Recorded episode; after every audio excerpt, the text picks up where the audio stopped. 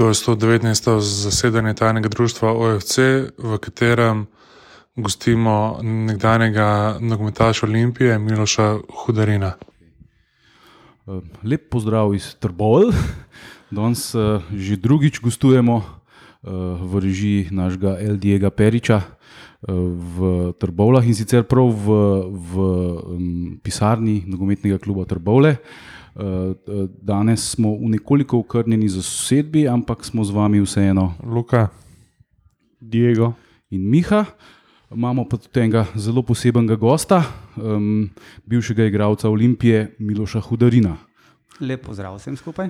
Pozdravljen in hvala, hvala da si z nami. Um, Miloš, uh, ti imam jaz tle vse lepo napisan. Ti si za Olimpijo igral 109 tekem, od tega 92 v Ligi, 11 v Pokalu in 6 v Evropi. Se pravi, to so res lepe cifre. Je, ti si bil v Olimpiji. Um, Enih pet let. Ne? Kako? Mislim, da je bilo štiri. Štiri, štiri, štiri leta, štiri sezone. Če me spomin ne vara. Ja. Uh -huh, uh -huh. Štiri leta. Uh -huh.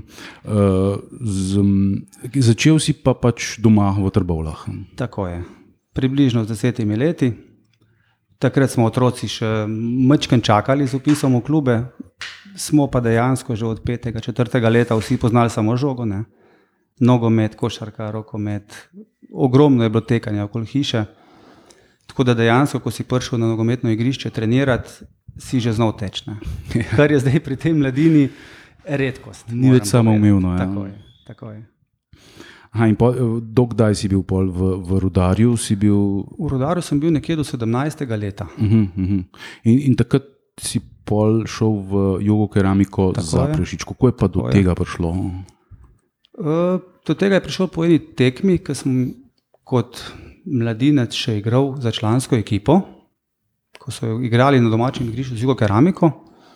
So me pač opazili ljudje iz juga keramike, ko so imeli tudi veze v Dinamu in so pač poklicali starše, če bi prišel dol in poskusil tam trenirati, pa igrati. Dejansko se je to zelo hitro obrnilo in sem na koncu res tam končal in to za dve leti. Ampak to, to, to, si, to ste igrali prav to medrepubliško? To je bila medrepubliška liga, mm. tako je. Aha, že, že 17 so oni tebe kar ja, po, po, ja. potisnili v ogen. Ne vem, so imeli hm? kakšen manjko, kakšne hm. poškodbe. Slučajno pač se je zgodilo, ja. da sem pač -hmm. tisto tekmo odigral. Aha, in, in ti zaprašiči so takoj videli, da, da neki je. Ne? So bili ja. navdušeni, kako sem enega njihovega napadalca tam ja. ustavil. No. Aha, aha. Se, čeprav oni so bili tudi, verjetno, mislim, medrepubliška, to je bila amaterska, verjetno. Liga, ja, to so bili še amateri. Mm, tako, ja. Pogodbe profesionalne ni bilo takrat? Večinoma ne, so bili pa v Jugo keramiki, večinoma igravci Dinama. Ali kr... odsluženi, ali pa igravci, ki so bili namenjeni, da bodo nekoč prišli v Dinamo. Mm -hmm. In pol v Jugo keramiki si recimo skozi igral? Ja, tiste mm -hmm. dve leti sem skozi igral tam s ciljem, da bi končal na koncu Dinamo, mm -hmm. kot smo se že večkrat o mes pogovarjali. Mm -hmm. Sam je pa na koncu padla odločitev, da greš v velik klub. Ne? Ne, ja, ne, tako, ne, potem je pa padla odločitev za Olimpijo. Ne? Dejansko vse se ve, ne? Slovencem in uh, edini klub, ki je bil v Sloveniji, res uh, takrat. Meri, v merilu Jugoslavije, ne, viden in prepoznavan je bila Olimpija, ne. pa je prva Jugoslovanska liga in to me je vleklo, res moram mm. priznati, zelo. No. Ja, takrat je tudi pol, se ta vojna v Jugoslaviji, se je 91. začela ne, in ja. je bilo zelo, kako bi rekel, negotovo na Hrvaškem. Ne. Verjetno je to tudi mogoče vplivalo na. na je, je. Veli, velik del je vplivala tista vojna, ki se je začela. Uh, ta negotovost, ta strah, kaj bo, ne, dejansko se je izkazal tudi v Dinamu, takrat, ker nekaj časa niso trenirali. Tako da je bila odločitev, da gremo v Olimpijo, jaz sem prepričan, da je pravilna tudi uh, moram reči, da sem, če, zdaj, če gledam za nazaj, ne mislim, da sem se odločil pravilno. Imel sem res štiri čudovita leta v Ljubljani. Mm. Je, je bila pa pač ist, ista možnost, bila, odločiti se je bilo treba, ali Dinamo ali tako Olimpija. Je, tako je. Mm. Je. Uh, pa zdaj, če se jaz iz glave prav spomnim, ti si bil, si bil desni bočni, branilc, ali levi, levi, levi ja, bočni. Ja. Mhm. Sprav, to, prav, pač, prav, kot takega so te tudi že pripeljali do tega? Dejansko mm. v Trbovlah sem igral še na drugih pozicijah, bolj mm. levi vezni, mm. pa po potrebi, no, ker dejansko tle je bil mal nižji nivo in sem lahko igral kjerkoli. Ja, ja, ja. V članski mm. ekipi se pa že potem dela specializacija, kjer dejansko ne moreš več toliko menjati mest.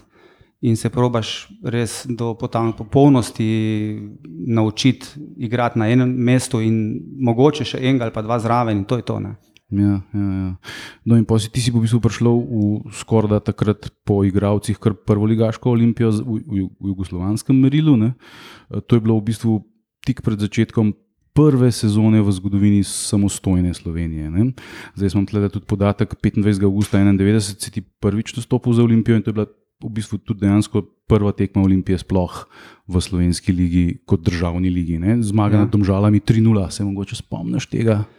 Domžale niti ne toliko spomnim, se ne vem, druga tekma v celju. Uh -huh. Ki je bila 0-0. Ja. Tako je, ti uh mhm. -huh. se bolj spomnim, ker smo jih kar fajn slišali. Vedeti morate, ne, da igravci v Olimpiji, to so bili prvoligaški igravci, ne, mm. ki niso šli 100% tekmo, velika večina. Mm. Vemo pa, da igravci slovenskih klubov ne, so šli pa 120%. ja, ja, ja, to In to smo zelo, zelo dobro čutili na svoji koži, mm, vsi mm. nogometaši Olimpije. Ja, takrat, takrat je bil še Filip Mendaš, čist na začetku je, trener. Uh, pol je pa malo prišlo do menjave Mendaš Pertič. In pa so se, recimo, že, že takrat je bilo to pravilo, ki ga je uvedla NZS, mislim, da na začetku sezone, da morajo v ekipi igrati določeno število uh, U21 igralcev.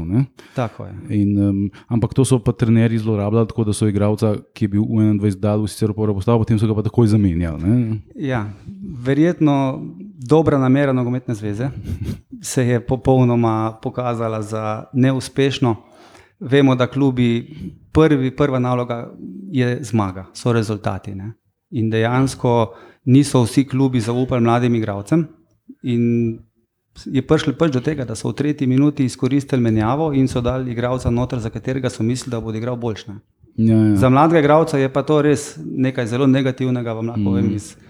Eh, svoj, iz, iz svoje kože, ne, ker se mi je to tudi zgodilo, enkrat, mogoče dvakrat, se ne vem.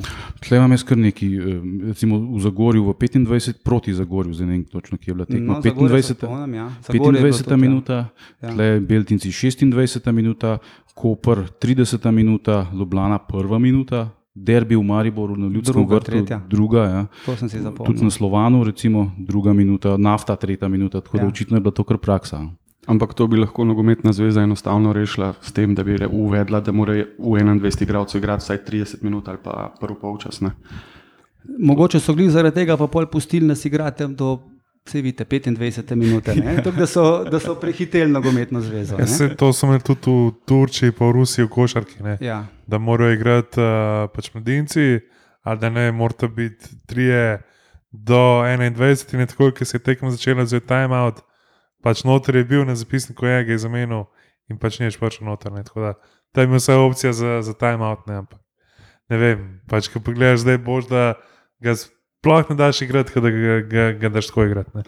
Dejansko je res, ampak morate se postaviti v kožo trenerja. Ne? On je tam za rezultat. Če ni rezultata, se ve, kdo prvi gre. Ne?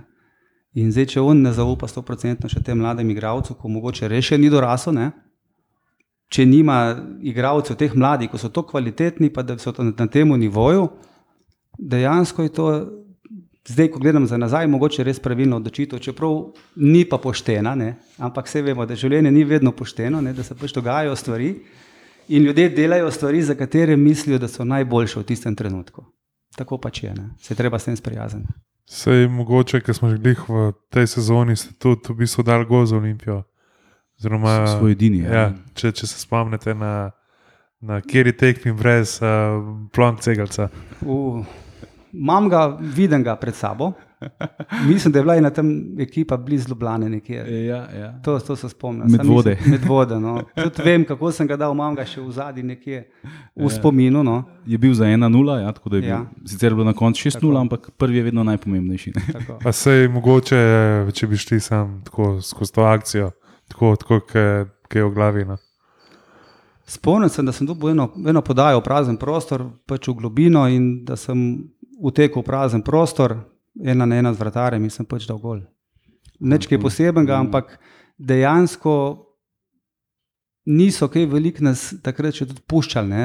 bočne, da smo se vključevali naprej. Ne? Bilo je rečeno dvakrat, trikrat, štirikrat na tekmo, čez polovico, neč kaj veliko dojati naprej. Sploh, ker smo imeli tudi v zadnjem mečkem starejše igralce. Ki so bili bolj počasni. Mečkem bolj počasni, pa hoteli so biti sigurni. Zakaj bi imeli veliko dela, če ni bilo treba. Ne? In so pač nas za vse se tam mlade potegnili nazaj, pa da smo tisto težko delo upravili. Da dejansko gola nismo dobili, ne kar tako. Ne? Mm. ja, ja, to so bili še uni stara šola, um, je bil um, Jedinko Perica. Perica, recimo, tako pa še Parovič je bil tudi tako zelo ja, glasen. Uh, da, Damir Vrabac. Damir Vrabac ja, tudi, ja, samo ja. ni bil bolj tako miren, no, nikoli velik se krego, ne, ni bil tako avtoritaren, ne, da bi Aj, ne vem koliko vodil igro. Mm. Perica je bil pa le zadnji v obrambi, on je bil pa in kot človek, in kot igralec, pravi igralec. Ne moremo nič zameriti. Čeprav mu je enkrat dejansko res za ušesa. Ko sem nekaj špičil na igrišču, se spomnim. Mulj, res sem prišel v Olimpijo, ko sem bil star 19-20 let, se prav spomnim eno tekmo ful pritisk je bil, ne vem, med vodo ali pa nekaj takega, naklo, naklo, Aha, naklo. Uh, ti, ja, ja. In je prščuh meni pa me za ušesa. Prav dobesedno. dobesedno za ušesa. Vse je bilo bolj na stran, ne, tako da veliko ljudi to ni videl, ne. ampak me je zbudil. Mhm. Ja, ja, to, to je bila tekma, ki jo je Olimpija izgubila, verjetno ta v, v mislim, da, mislim, da. Glih ena žoga globinska mm. je bila vzad za perico, je v letu mm. en napadalec, ne vem, če ni bil Pavlin. Ki je potem končal Aha, v Olimpiji ja, ja. in smo dobili ti zgolj, ve se pa, kaj za Olimpijo pomeni, če gol dobil naklo ne? na selu, ne je bilo to takrat, ja. kaj hujšega in dejansko je hotel na ta način nas pobrati, vse ja, skupaj. Ne? Težke tekme so bile, to moramo povedati, so bile res težke. No, ja.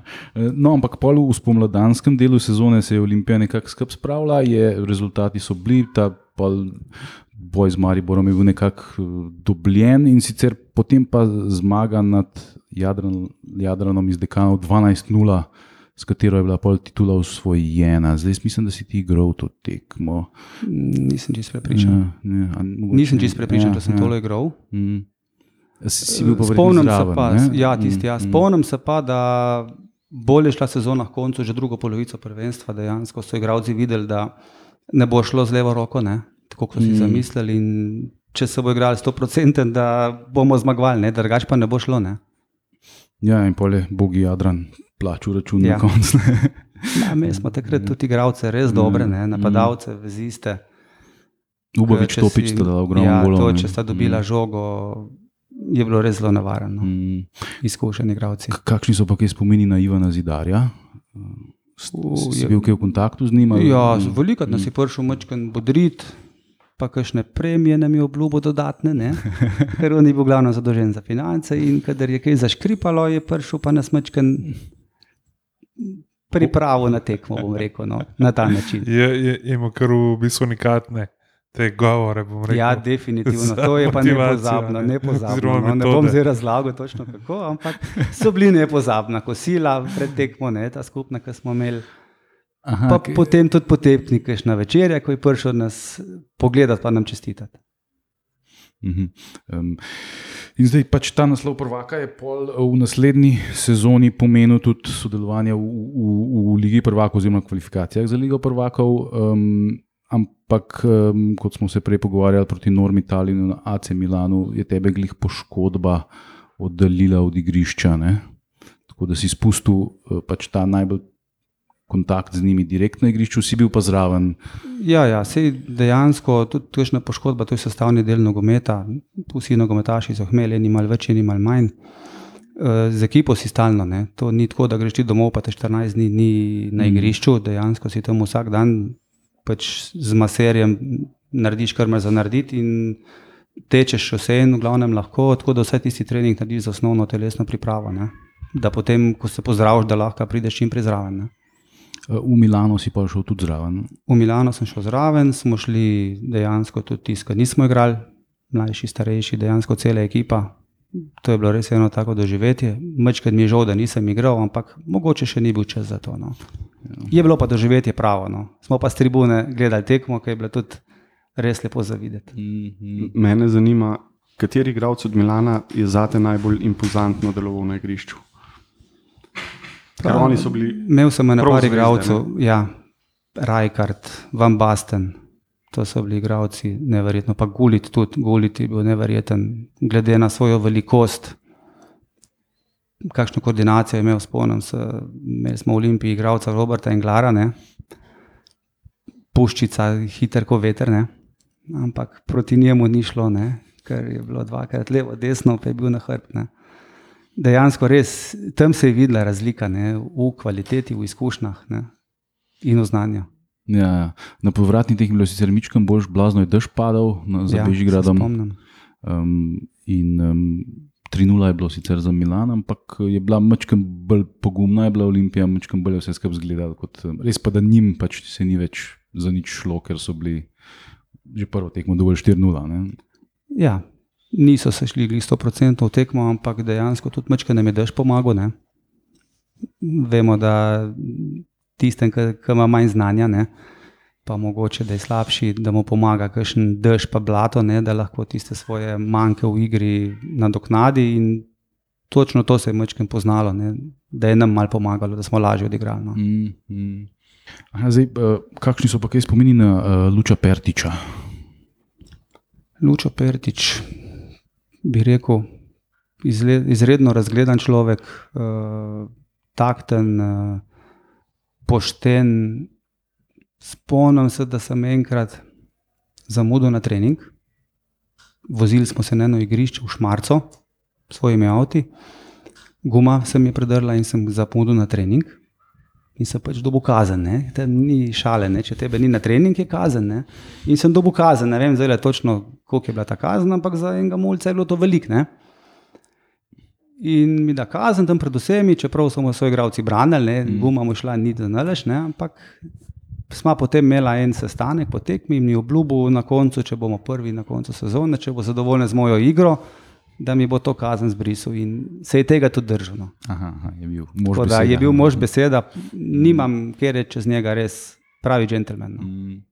No, ampak kljub temu zidar ga je zamenjal po porazu v Ljudskem vrtu spomladi 93. Uh, pa je pa prišel Bojan Prašnikar, ne, ki je pa kasneje tudi, kot vemo, bil in selektor in v Nemčiji je bil trener. Uh, kaj pa je v njemu? Uh, Bojan Prašnikar je prišel v Olimpijo kot relativno neizkušen trener, ampak človek, ki je imel pa veliko izkušenj v nogometu, bil je napadalec, ogromno golov je dal ne? in je kar zelo hitro si izpostavil avtoriteto. Tudi imel je fajn način komunikacije, ni bil zvišen, pač je povedal, kar je mislil, zelo po domač in igravcem je bilo to všeč. Tudi kar se tiče igrišča, so se zelo hitro začeli poznati rezultati. Hitro smo začeli zmagovati na tekmah, in kar nekaj časa je tudi to držalo. No. Mm, Vemo mm. pa, da s časom da so vedno, pol, vsaj pri nas, spremembe nujne, ne. ker je mentaliteta takšna, da rabimo ene spremembe ali iz enih ali iz drugih razlogov, da grejo potem stvari naprej. Ne. Pa čeprav ja, sam za nekaj časa boš, ne? vemo, da to ja. dolg časa ne drži. Ne? Šok terapija. Ja. Ja, ja, ja. Vsej, v tej sezoni ste v bistvu si igral tudi za pač mlado reprezentanco uh, proti Cipru, kaj še si bilo pa mogoče te občutki. No? Zdaj, recimo, štart si z nogometom v bistvu Jugoslaviji, potem se je Slovenija v bistvu samosvojila, v bistvu reprezentanca je bila sploh še mlada in te mlajše. Tudi v povojih, kaj še so bili mogoče občutki, tako da zdaj pa igraš za Slovenijo. No? Občutki so bili fantastični. Jaz sem že prej bil zelo vesel, veliko čast mi je bilo tudi, kadar je bilo treba za Jugoslavijo. Je, ker dejansko je tu še večje območje, ne? še več nogometašov, še večja čast. Ne? Ampak, kar se Slovenije tiče, nisem nič kaj manj čutil uh, veselja, pa, pa bi rekel znesenosti. Ne? Bil sem res srečen, da sem tam zraven. No? In bil sem tudi eden tistih uh, vodij v ekipi, tudi samo zavest se mi zdi, vsako tekmo, ko sem odigral v reprezentanci, se je videlo potem tudi v, klub, v klubu, ne, da sem igral boljše. No. Je bil tak dvig. Ja, definitivno se to pozna. Ne. To so ene te težke tekme, ki ti ogromno prenesejo kot mladem igralcem. Mm -hmm. Se pravi, pol, pa ja, sej pol kot, čl, kot član mladinske reprezentance, potem naslednji korak je bila v bistvu tako imenovana olimpijska reprezentanca U23, ja. Ja. ki je pa na začetku sezone 93-94, mislim, da je bil prav vprašnik, kar se lektor, takrat, če se ne motim, uh, je šla pa na mediteranske igre. Ne? In, in, in um, ko se pa kaj tega spomniš? Tam se spomnim kar v redu, ker sem bil takrat v vojski, slovenski naši. In dejansko se sem vmes treniral, mm. ampak meni se je to takrat zelo poznalo. Ne? Jaz vem, da preden sem šel v vojsko, sem bil v usponu karijere, bi rekel, lahko višku karijere, da sem res igral najboljši nogomet v svojem življenju. Potem pa ta vojska, ki se mi je pa zdi, da sem pa padel ven iz te forme, iz tega ritma in da se potem nisem več pobral, se mi zdi dolgo, dolgo časa, pa mogoče to nikoli. -hmm. Ne vem, je bila glava tle kriva ali tisti treningi, ki so manjkali. Uh, bilo je tudi drugi ritem, morate vedeti, v vojski dejansko vstajanje, vaje. Mm. Ni bilo naporno, ampak to je čisto nekaj drugega kot to športno življenje. Ne? Mm. Ni bilo pa kakšne opcije, da bi kot športnik lahko imel neke drugačne pogoje, da bi vem, treniral istočasno. To je vse treniral sem. Aha. Sem hodil ven popoldne na treninge, mm -hmm. mislim tam po treh, štirih mesecih. Ne? po tistem osnovnem delu vaj, ki smo jih imeli na začetku voj, vojske. Sem treniral, ampak tiste tri mesece sem videl, da se je to tako poznalo, ja, da pol ne ja. prideš več noter. Mm, mm. No, ampak takrat, recimo, prva tekma. Uh, Oziroma, te mačke je tudi um, uh, škripala organizacija. Se tega spomniš, ko ste prišli, hoteli ste imeti trening, uh, pa je bil stadion zaprt. Ja, In, in ste prišli kaj, in se ni dal not. Ogromno število športnikov je bilo tam, tam ja. raznih boksarjev, atletov, mm. to je mm. bilo res veliko vsega. Da, verjamem, da tudi do zapletov pride. Ni mi jih ostalo tole v spominu. Naj, najbolj spomnim se pa, da sem imel mehko poškodbo imel takrat in mm. to glih. Zaradi tega, ker nisem bil tako preplavljen, kot je treba, mm. in je prišel malo do poškodbe prepone, in sem se pol glih za glih pocajal, da sem lahko tisto prvo tekmo tudi igral. Ta prvo si spustil proti Italiji? To, točno, si... prvo sem spustil, pa ja. sem drugo polodiral. Proti Maroku. Zdaj, proti Italiji so recimo. Tle so igrali eni kar zanimivi igralci, recimo Francesco Toldo, Marco Del Vecchio, Kristjan Vieri, Luigi Di Biagio. To so igralci, ki so kasneje v seriji, uh, mislim, sploh Kristjan Vieri. Recimo, um, to se kaj spomniš? Se spomnim, mm. seveda se spomnim, ker sem jih to spremljal naprej. Isto je bilo pa z našo reprezentanco. Mm. Če gledate ja, imena, ja. ko so tle nastopala, mm. so tudi potem krojila slovenski nogomet, še vrsto let. Ja, tle, mislim, poleg Zahoviča, ki je, ki je itak eh, bil razred zase, so bili tle še Pavlin, Kosič, Rudonja, Šimunča. Eh, um, Sama znana nogometna imena. Si bil pa ti edini iz Olimpije takrat, zraven, ker Kosič je bil takrat ne vem točno kje, mogoče v Elanu ali kje. Pavlin je bil še na Gorenskem, Rudonja je bil še v Kopru. Ne? Tako da uh, ti si bil edini predstavnik Olimpije. Ja, pa se tudi po svoje logično, ne z prtlago, s katero je pač prišla Olimpija, verjetno še iz Jugolige, pa tudi, ki si že prej samo omenil. Se tudi, že takrat, pa tudi danes očitno ne zaupa, ki je preveč. Pač bom rekel mladim. Ne. Ja. Mladih igralcev takrat ni bilo v Olimpiji. Spomnim se, bili smo tri, štiri, ampak eh, res se je zelo, zelo pazil, kdaj so dal Hirga igrati, pa za koliko časa. Ne? Ker težko se pa mladi igralec dokaže, če nima priložnosti. Ne? Sploh minutaže, ne? to je v nogometu najbolj važno, verjetno v drugih športih isto. Tle, če nimaš ti kilometrine, iztekmo tekmo, da igraš, to ni to, ne, ne moreš napredovati, kot bi mm, drugačno. Ja, ja. Ja, pol, um, no, pol se je uh, ta sezona se je začela z um, v bistvu eno, eno, tudi mojo osebno veliko bolečino s konto Riga. da se, se spomniš te tekme, uh, Evropa, um, kvalifikacija za Ligo prvakov, um, Gor je Olimpija zmagala 1-0, ja. tle za Bežgradom uh, je pa Uniso tik pred koncem en gol dal in podešlo na konc na penale. U, to se pa spomnim. Ja, Sam ja. smo zmagali, mi pa nari, nismo skontali, ne, pa smo pa eno drugo. Ja. Mm, te ni neskončni penali, so bili tako, ker serija 12-13. Mislim, da je bil glih Miran Pavlin tisti, ki je odločilnega pol um, za pravo.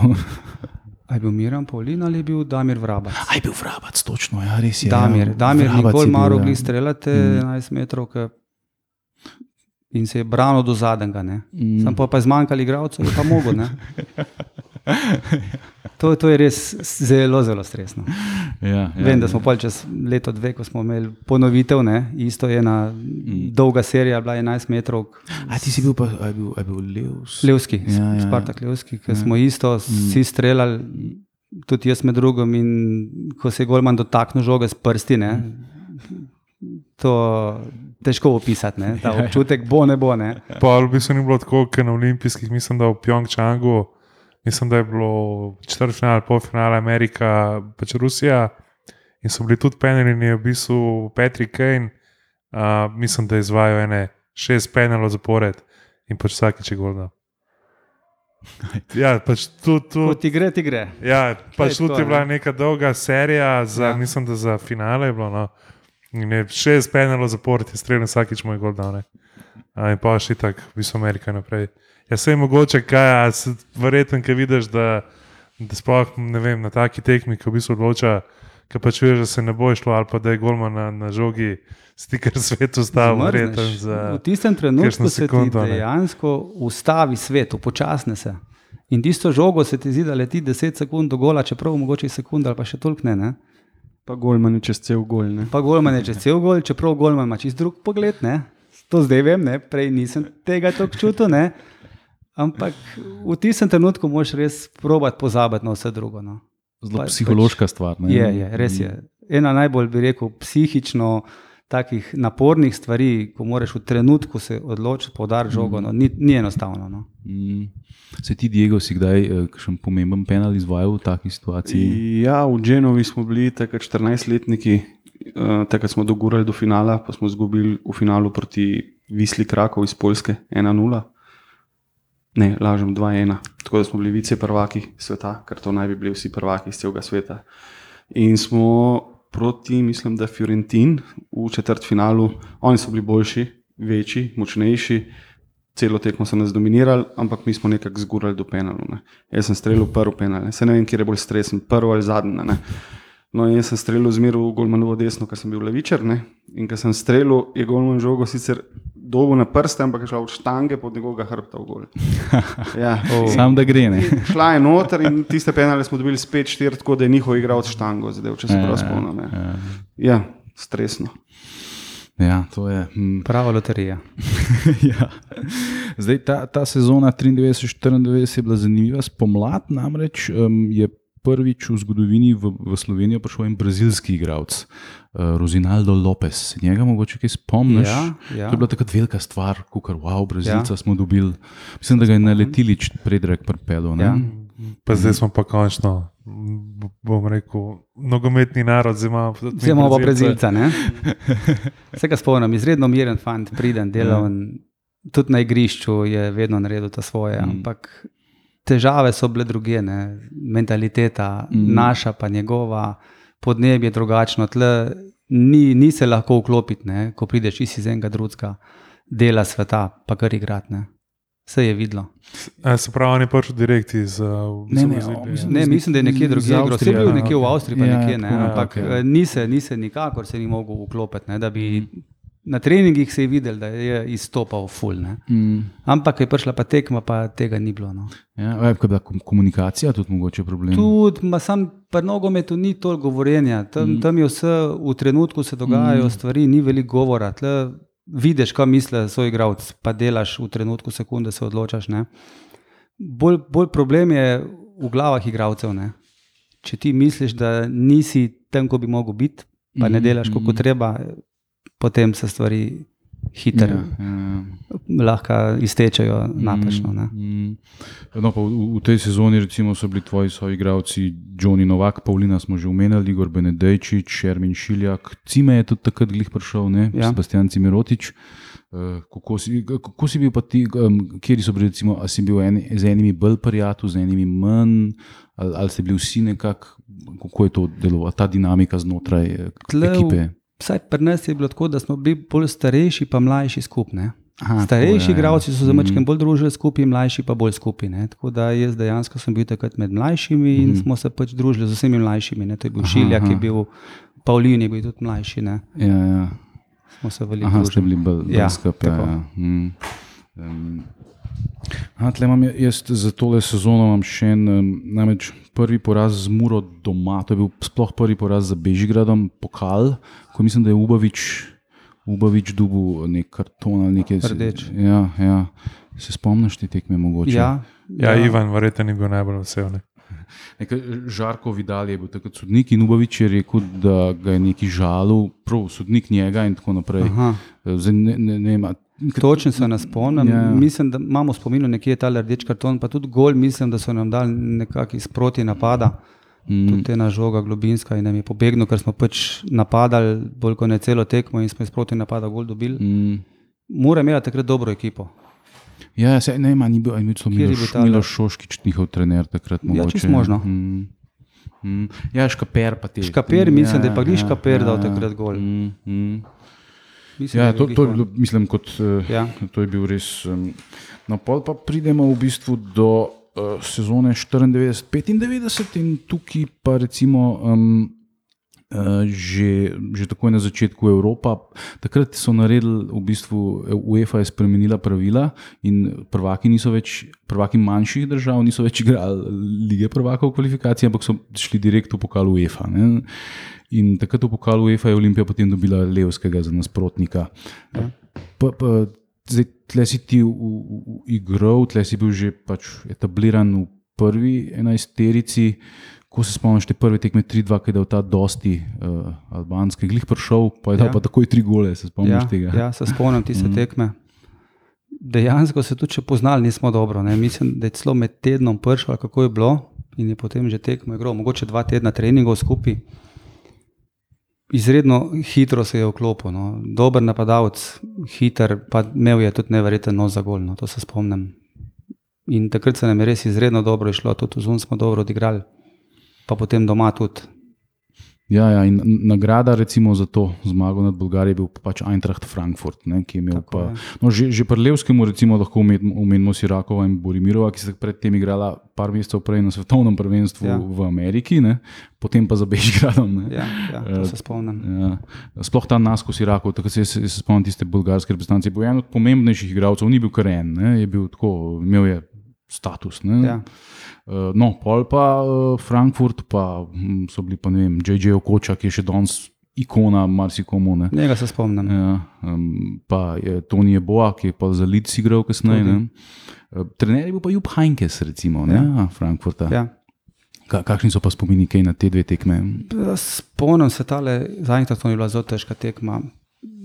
Izredno veliko so Nemci tekali, imeli so hitre igralce, sploh tale okoča je znal žogo, neverjetno hiter je bil in smo imeli kar velike težave.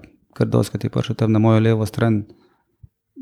Dost prekrško smo mogli narediti, da smo ga sploh lahko ustavili, ker je bil res neverjetno agilen in hiter, eksploziven. Žoga je Nemcem izredno dobro šla, tako da smo večji del smo mi žogo lovili, se mi zdi, tisto tekmo, kot jo pa imelo v nogah. No. ja, ja.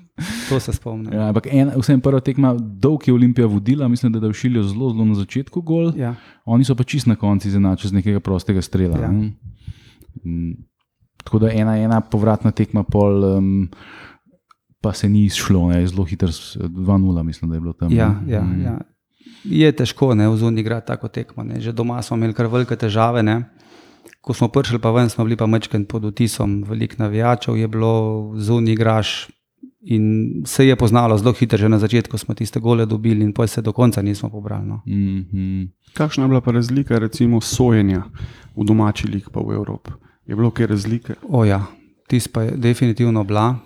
Mislim, da takrat so res sodnike šele iskali, pa ti se tri, štiri leta se uveljavljali, pa na kak način bodo te sodnike iskali, jih še ni bilo teh slovenskih tako velik, sploh ne na ta pravem nivoju. Ne. Tako da nekaj je bilo težav, ne, ampak ni bilo nič kaj pretiranega, ne, ker dejansko mi smo bili profesionalci in sodnika ne bi smeli veliko gledati ne, in se ozirati na tekmah. Ne.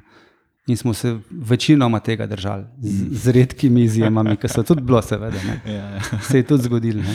Ja, se to tekmo s Frankfurtom doma ne, je sodel Urs Majer, ne, ki je zelo, mislim, jaz se ga spomnim, ker sem pač takrat veliko tudi drugega futbola gledal, je bil tako zelo znan. Zelo ja. znan uh, Sodnik, pravijo, da sodnika takrat, ko ga ne opaziš na igrišču, da je najboljši. Ja. Jaz se ga to tekmo sploh ne spomnim. Torej je mogel res dobro soditi, da se nismo dejansko sploh vedeli, da na igrišču. Sodo je, kar je bilo za soditi, mm, mm. in je tekma minila zelo, zelo hitro. No. Brez kakih prekinitev, pa ja, ja. pritoževanj na sodnika. Je znal situacijo umiriti, ko je bilo treba, je umiril, ko je bilo treba kaj pohitriti, je pohitril. Mm ga nismo sploh opazili na igrišču. Ja, ja, to. Dan, dan danes je, nažalost. Ja, danes je vse kriv sodnik. Danes, če, če, ne, če ne zmagaš, je pač kriv sodnik. Čau. Ali pa var. Ali pa var. Ali pa var ja. Kakšno je pa tvoje mnenje o varu? Ja, prvo sem bil malo skeptičen. Ne? Zdaj pa mislim, da ni slaba stvar, sam bi jo bilo treba malo pohitriti. Se mi mm. zdi, da včasih traja to vse skupaj predolgo, preden. Eh, sodnik pride tja, mogoče bi se lahko, vsaj jaz tako razmišljam, da bi se spremenili na ta način, da bi imeli sodnike. Eh, zunanje, zunaj igrišča, ko bi to pogledali in samo jave glavnemu sodniku. Da bi to šlo veliko hitreje, lahko, kot da mora glavni sodnik gledati in potem se odločiti, pa, pa še vpraša v ne tem noter, kaj se dogaja. Ja, se v bistvu je doskrat tako, da najprej ne mu javijo, ja. pa oni gledajo. Pol gre on gledati, pa se še pa zmeri. Dejansko pravila poznamo, osebnih odločitev, razlike tle ne bi smelo biti. Ne? Torej, če se en odloči tako, se mora drugi tudi tako, če, če hočemo pravično soditi. Ja, ja. Malo je treba pohitriti. Na koncu gre pa še vedno za človeško napako, kljub, kljub eh, tehnologiji. Vedno, vedno se dogaja, se bo dogajalo. Uh, recimo, da je vedno nenamirno. No? Ja, recimo. Zdaj, tle smo imeli glasbene spremljave, dubl, ne vem, če, če se to v, v ja, eter. Vedno se spektakli začenja počasi. Ja, ja. yeah. da, ampak se, se smo že, že, že kukar tok pri koncu, ampak zdaj, um, proti koncu leta 1994 uh, si še eno menjavo trenerja doživel, namreč Bojena Prašnika je zamenil Brane Oblak po porazu v Beltincih 4-2. Takrat je pač zidar očitno se odločil, da Prašnikar ni več pravi človek in pa si imel pač priložnost sodelovati še z eno legendo slovenskega nogometa. Kako se pa brani ta oblak, spominjaš? Uh, brani oblak, mogoče nimam najlepših spominov, no? z mhm. njim se nekako nisem toliko razumel. Ni bil komunikator, ni na pravi način mogoče se spravo komunicirati z igravci. Vemo pa, da je bil nogometaš, je bil nevreten. Ne? Mm. Ampak to še ne pomeni, da si tudi lahko tudi trener nevreten. Ne? Ja, se to, to ni bil samo tvoj problem. Ne? Z Johnnyjem Novakom sta bila zelo, uh, se mi zdi, na, na, na nasprotnih brogovih takrat. Pa tudi ne par, mislim, da drugih je, si imel Unovič neki na klopi sedel. Ja, pa vse smo v končni fazi tudi snemali, zbrane tam viso epizodo. On pove svoje. Točno ne. tako. Mogoče je včasih ne... ni napačen človek, da če tega direktno pove. Ne. Ampak v trenerstvu, v športu je treba biti diplomat. Ja, moraš vedeti. V celofanu včasih zaviti, ja. pa kaš nam boljšem igravcu malo čez prste pogledati, ne? pa ga malo potreplati po ram, ko bi ga mm. mogel kaj skregati, mm. zaradi boljših odnosov, pa samo zavesti. Ne? On je pa vse direktno povedal, pa na prvo žogo tako, kot je mislil. Ja, in se sploh se, se, se nakvarja s tem, kaj, kaj drugi mislijo. Ne, kdo žali, ne, ne, pa če ne. sem branil oblak. Jaz tako mislim, tako je in pika. Vse to še ne, ne pomeni, da večji del nima prav. Ne? Ampak pač se vsi ne strinjajo z njim in tako to je v življenju. Ja, pač moraš vedeti, ne, en na lep način, drugega moraš pa starati pač tri pikce. Ja, da, da, da se premakne. Treba je biti diplomat, treba je psiholog biti, trener mora biti oboje, ne? mora vedeti, kako se s kom pogovarjati, koga je treba mečken stisniti, pa na ostro, s kom je pa treba tudi mogoče bolj mirno. Pa... Ja, se to, to je za moje pojme mogoče najtežja trenerska služba, ne vem, nek kralj, peže, tam z unimi milijoni egoti. Tam je menedžeri, fila, glavo, ja. prijatelji, punce, starši tam je v bistvu bolj kot ne, je psiholog, ki pač karkoli drugega. Da, vsaj v osnovi tisto garderobo, že vam reko, skupaj drži. Morate vedeti, da tam denar ni problem, ne? ni motivacije v premijah, ne? da tem igravcem pomeni največ ego, njihov pristop na tekmi je odvisen od tega, kako se oni počutijo znotraj svojega telesa. Ne? In zdaj, če trener to zna uh, zbuditi v igravcu, pa to lahko to do tekme, do golov, do zmag, potem ta igralec dobro deluje. Če pa ne, je pa čisto vse en, kdo je, koliko je plačan, pride lahko do težav na igrišču. V končni fazi sem hoče videti, pa v bistvu čelocijo. Ko pač se dejansko, ne vem, ki je bil pač Evertonu, ko je bilo še verjetno več kot samo te, mora rekel, ego te uskladiti, je bila v bistvu težava, ne? Milan, Juve, tudi v neki meri realne, tle pa, tle pa očitno zna delati z temi milijarderji. Očitno se je našel. Ali, se, ali pa je tudi čas, je tle dejavnik. Ne? Tudi to morate vedeti. Tudi trenerji rastejo, pa se razvijajo. Ne? Čez čas, včasih se tudi trenerji kaj naučijo, naučimo. Ne? In to je tista stvar, ko trenerju pomaga. Učiti se celo življenje, ne pa misliti, da vse veš. Ne? Ja, sej, Brane je bil v bistvu takrat še relativno na začetku svoje trenerske kariere. Ne? On je mislim, da v Naklem je bil nekaj malega. Ja, v Naklem se mm. spomnim, da je bil. Ja, imel tudi odlične rezultate mm, takrat. Mm. Uh, ja, pa, pa zdaj ta pomladanski del, 95, tvoja zadnja polsezona, je recimo se začela z, z precejšno afero, ko je Bozgo prestopil. Iz Maribor. Maribora v Olimpijo. Olimpija, tako, to ja. se kaj spomniš, da so bile pohranjene govorice ja. okoli tega. En boljših igralcev je bil Maribor, če ne najboljši. Ne? Mm to so včasih delali veliki klubi, ne, da so pač kupili najboljšega igralca od konkurence in so s tem se rešili večjega dela težav. Ne. Zdaj ne vem, ali so ga kupili z tega razloga ali pač z razloga, da bi klubu pomagal. Ne. To je stvar vodstva kluba. Ne. Ali kdo, kdo drug iz uprave svojega. Mogoče, mogoče. Dejstvo pa je, da je bil Bozgo res odličen igralec dober, pošten človek. Da, kar se tega tiče, nobenih pripomb. Je človek na mestu bil no? in nam je res ogromno tudi pomagal na igrišču. No? Mogoče celo malo preveč pošten za olimpijo. Mogoče pa tudi to. Ja. A imaš s kom od teh igralcev še zdaj kontakte? Občasno se s kom še slišmo, ampak tega je zdaj že zelo malo, ker tudi v nogometu zdaj nisem več toliko, kot sem bil včasih. No. Življenje pač te enkrat potegne v eno stran, enkrat v drugo nogomet sem večkrat ta profesionalen pustil za sabo, še vedno imam veselje, kakšno stvar pogledati. Nedolgo nazaj sem tudi treniral še otroke. Ne. Zdaj naprej bomo pa videli, ne. vemo, življenje teče naprej. Kar je bilo, je bilo, je treba pustiti zadaj, pa razmišljati naprej. Ne.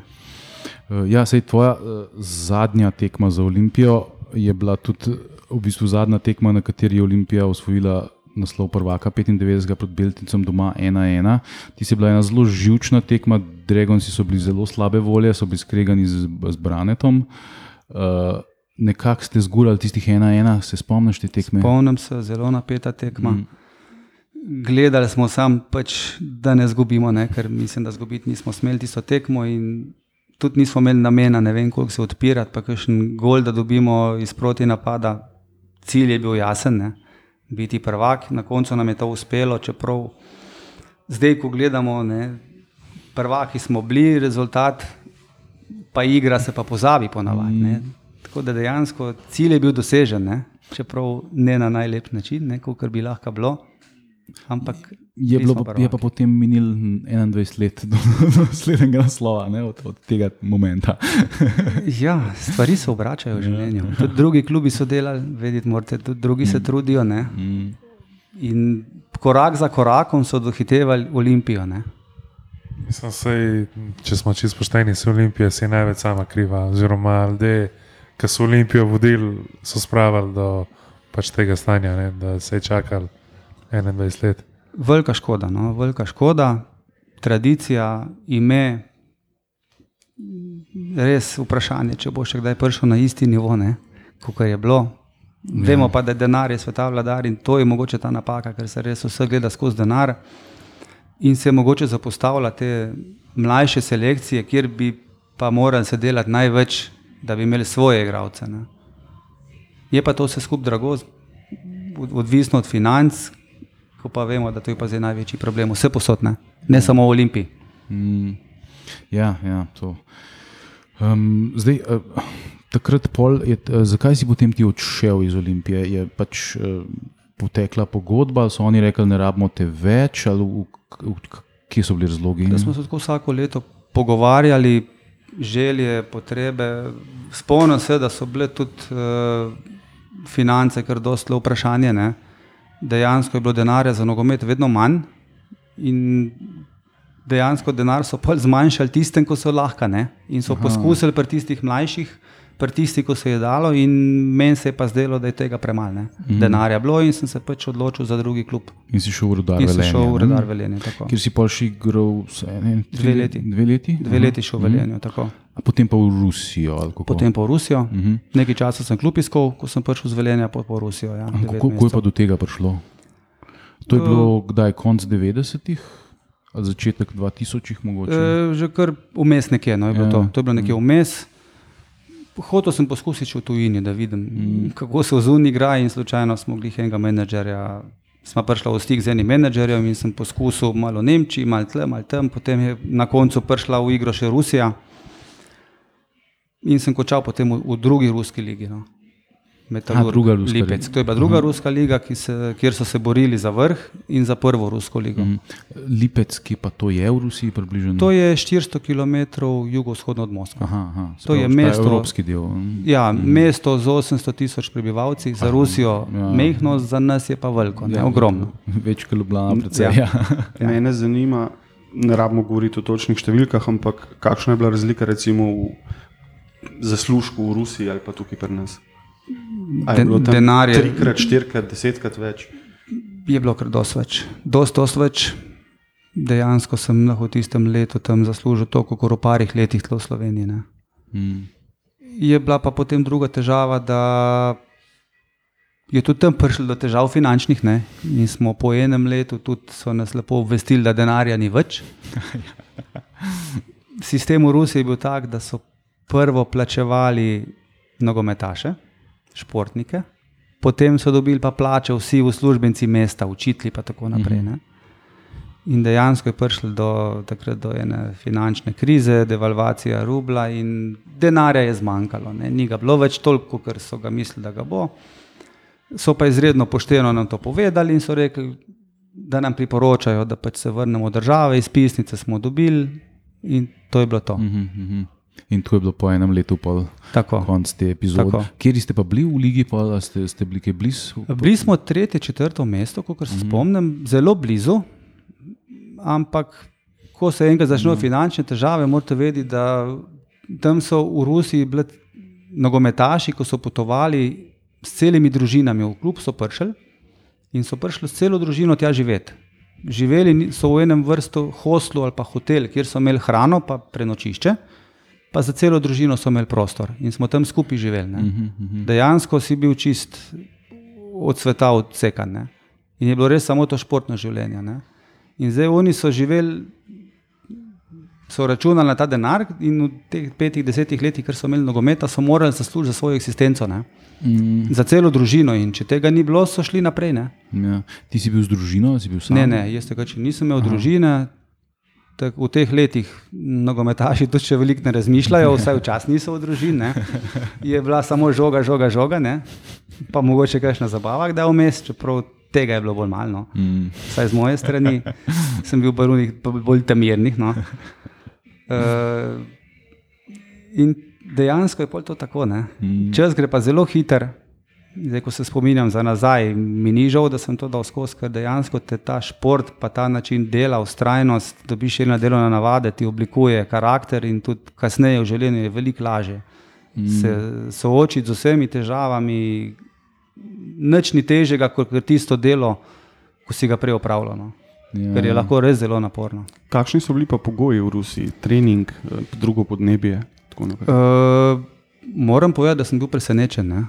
Da so imeli v, na igrišču imeli savno, so imeli bazene z mrzlo vodo.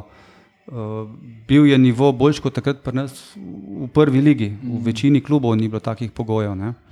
Ker je bilo velike razdalje, so bile na tekmah in se je večinoma šlo z letali. Ne. Sam to res tista mala letala, ne. letališče, smo pristajali, travnata letališča. Ne. To je bilo res mečem bolj po kavbojskem.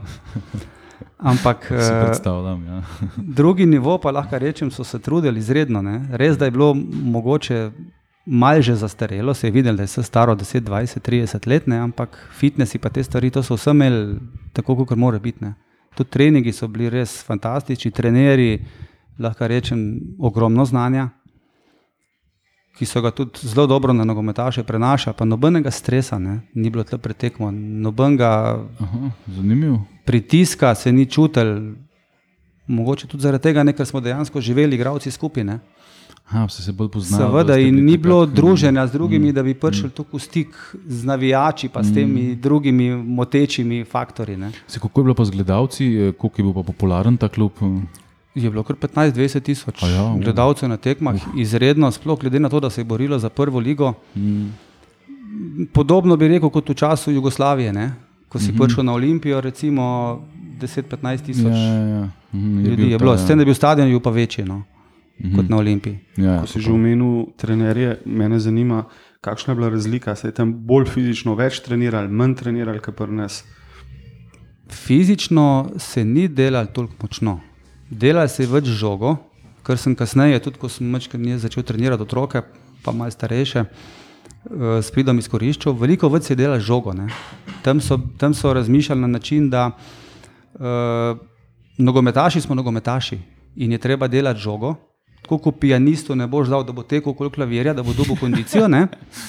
Tudi nogometaša ne boš dal, da bo po atletski stazi laufu. Ja. Ampak smo večji del priprav vse naredili z žogo. Ker recimo, ko smo imeli v bistvu Mitja Šivica, ki je trener v hokejski olimpiji, ne, ja. je on je rekel, da so jih terali, to pač ne normalno. Ja. To je bilo na, na ledu dve ure zjutraj, pa pol kosilo, pa pol še za laufa dve ure pa pol frej, pa pol spet začer dve do tri ure na, na ledu, pa ne vem, so dvorano, ene 5-6 km stran ja. od tega centra, kjer so živeli. Domov peš iz Dvorane. Za Rusijo govoriš. Ja, pa hokej. To, ja. Zdaj hokej, ne vem, da pri nas trenirajo močneje, ne vem, ne, da bi primerjavo delo z nogometom. No. Ne, to je bil v pač Rusiji. No. Mm -hmm. On je tudi bil v Rusiji in to rekel, da to je. In da tudi do, do danes, vse, kar se hokeja tiče, se nekaj veliko spremenilo. No, no vse to je mene malo presenetilo, da se je več delalo žogo, ja. ker Rusi so bolj na moč. Ja, pričakoval, da se je več teklo. No. Pa mi smo dva trenerja zamenjali. Ne? Dva trenerja sta bila in oba podoben stil razmišljanja. Edino, kar smo pa dobili vsi igravci, nalogo, nalogo. Seveda si to naredil, pred pripravo narediti doma, tiste teke brez, žogo, brez žoge. Aha, da si že prišel fizično terenu. Ker dejansko mhm. sezona si tam začela maja in tam en teden pred majem v Rusiji ni bilo nikjer trave, ne? ker je zima.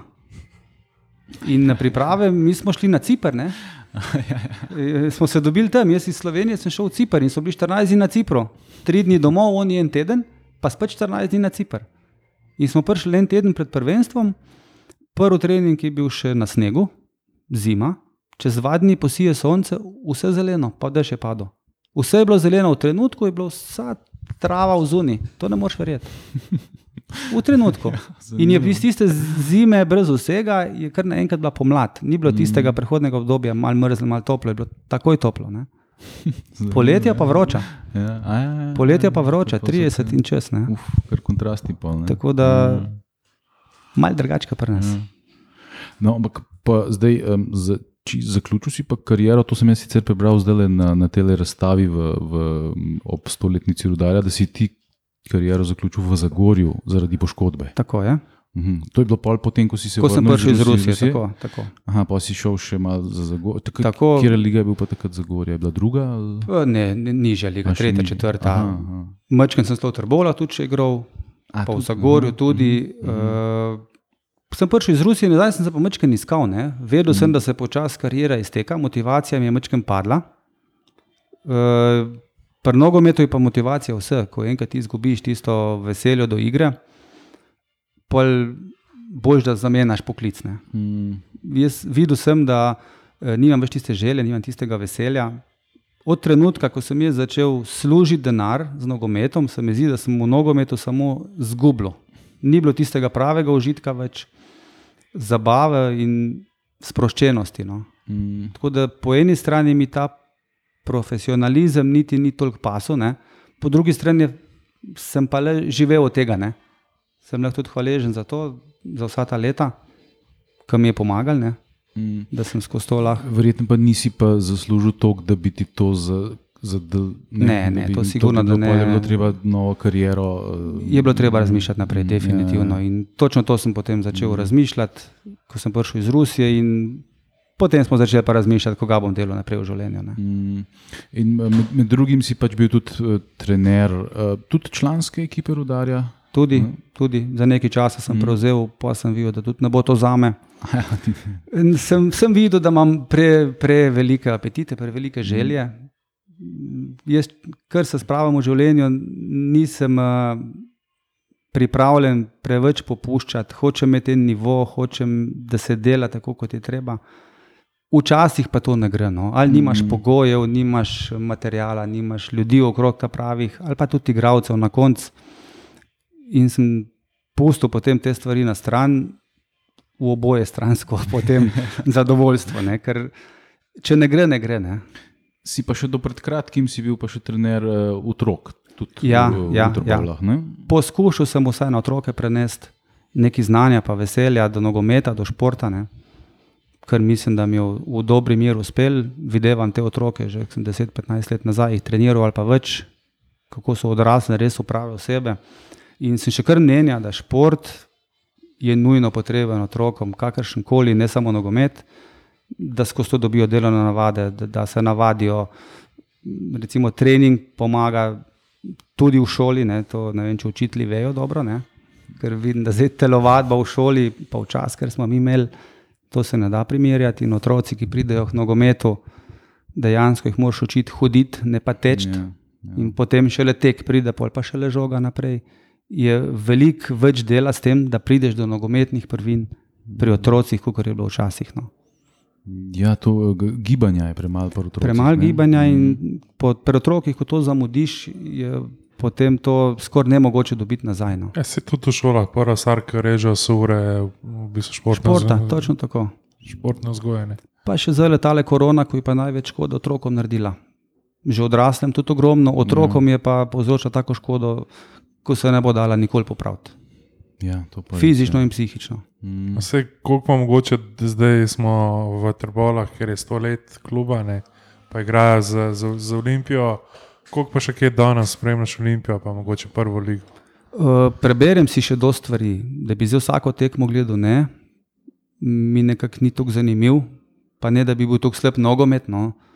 Čeprav se mi zdi tudi, da ni tak nivo, kot bi lahko bil. Pa sem pa jaz mogoče rado preveč. Zbirčen. Na stara leta zbirčen, ja, pa preveč zahteven. No. Ker nogomet je težka igra, to vsi vemo. Pa više greš, bolj je težka. Ne vse stvari, bi rekel, popravljajo. Trudijo se vsi v klubih, ampak vidimo pa, da dejanskega napredka pa ni veliko. In glavni razlog, jaz vidim tle, da se z otroci dela premalo. Ne premalo, količinsko, način ni pravi. Ker zdaj, recimo, imamo še čas. Ja, ja, ja. Dejansko se dela z otroci, petkrat, šestkrat, sedemkrat na teden. In ti otroci so tam pred desetih, petnajstih, pred petnajstih letih so že pretrenirani, so že siti nogometa. Ker preveč se dela kvantiteta, ne pa kvaliteta. Tudi počitek je važen pri teh otrocih, ne pa samo kvantiteta, da se res trenira sedemkrat na teden, pa tri tekme na teden. Ne. To je ja, preveč. Pa mogoče tudi v bistvu te, ki vsaj mali stopa, več ali manj gre velika večina že v bistvu zelo, zelo mladih v tujino, pa tudi je v bistvu slabša, ker potem pa nekako v ligi postane več manj igralci, ki so ne, na isti ravni. Ne? In jaz mislim, da ti pa zelo težko v bistvu napreduješ, če igraš skozi sebe enakimi. Seveda, da so tudi starši velik, velik problem.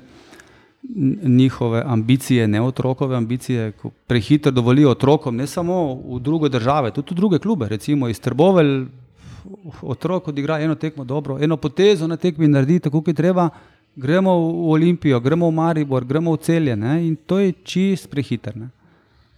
Veliko otrok pride nazaj in potem neha z nogometom, kar jim je nerodno reči, ni mi uspelo. To je velika škoda.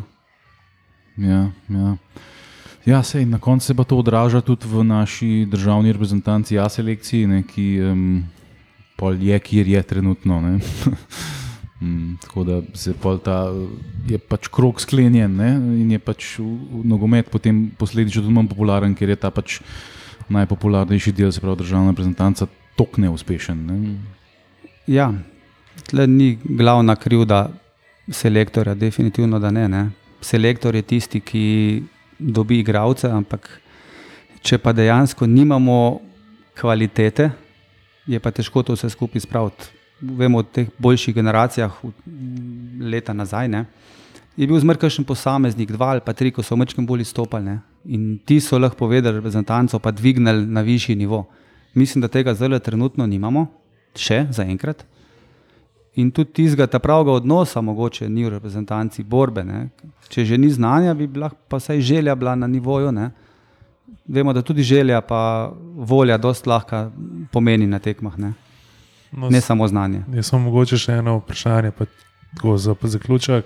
Glede na to, da smo prišli na stoletnico kluba, ne, a, tukaj v bistvu Trbolah, pa kar mogoče za pač oba dva. No, zdaj, Diego, vem, da je malo ven iz tega, kakšno pa kaj stanje z nogometom tukaj v Trbolah, pa v tej regiji. No. Vemo, so pač Trbole, pa Zagorje, Hrastnik in tako naprej. Ja, lahko rečem, da poteka borba že od druge svetovne vojne naprej, ne? Zagorje pa Trbole, pa, pa še tle Hrastnik mečken in se bori, ne? kdo bo koga. Ne? Zdaj, zadnjih 50 let stvari se obračajo, malo je Zagorje, malo je Trbole, Hrastnik je pa skozi blizu. Ne?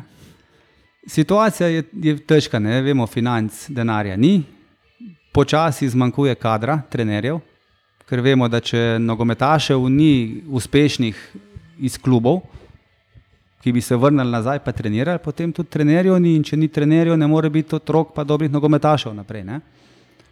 Mislim, da tle se glih to zelo najbolj kaže, da tle mečken manjka. Otroci so, željo imajo, sam ta pravi način dela, pa kader dobiti. In bi se dal veliko še več narediti, kot se, čeprav lahko smo samo hvaležni, pa čestitamo vsem ljudem tle v klubu, ki se tako trudijo v teh težkih časih, pa delajo z otroci, večinoma iz veselja, ne za denar. Ja, ker proračun kluba je, je smešno nizek. Ja. S tem delajo čudeže. Res je. Sem to ena poprečna plača v Olimpiji. Ne? To ne, ampak recimo nekaj več, kot bo dobival Mudrinski na ja. mesec v, v, v celju. Ja. Um, uh, še, še ja, jaz, kot si rekel, sem mal ven iz tega zasavja, ne spremljam več to, sicer brati še igra um, tako da imam kakšne insiderske informacije, ampak ne zanimam se več to, ne, za zasavski nogomet.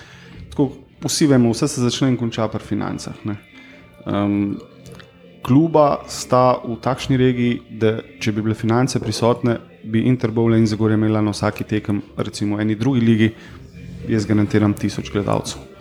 To bi se dal. Tudi mladine je dovolj, tudi kvalitete je dovolj, vendar te otroci, nažalost, kot smo rekli, pokupijo domžale. Celje, velenje, olimpija. In to ne pokupijo, samo pokradajo. V bistvu, Zelo pok brezplačno grejo ponovadi iz kluba lahko. In mm. potem je to težko priti na višji nivo, če ti pri 14-15 letih zgubljaš najbolj potencijalne igralce. Žal smo v taki situaciji, kjer smo in realnost je tukaj tretja, četrta liga. Finance so tudi za ta nivo, več niso. V Trbovlih se zadnja leta sploh ne vlaga v nogometne strani občine, vem, da ni nobenega denarja. Um, v Zagorju je verjetno nekaj podobnega, čeprav se mi zdi, da je tam malo več. No. Um, škoda, žal, no. žal, ker se mi zdi, da so v drugi ligi klubi, kjer pač pride na tekmo 12 ljudi. Ne. Zakaj ja, se ne ja. bi sprovocirali, zakaj ne bi nogometna zveza delala na območjih, kjer ljudi dejansko zanima nogometne, ker za Savje zanima nogometne. Vse ste, mm. Prpelo sem vajal na zasavski derbi. Ja, ja. Število gledalcev, energija na tribun, nogomet, kvaliteta sicer pač takšna, kot je, ne, pač v tem nivoju primerna, ampak se je videlo, da ljudje pogrešajo to. No. Mm.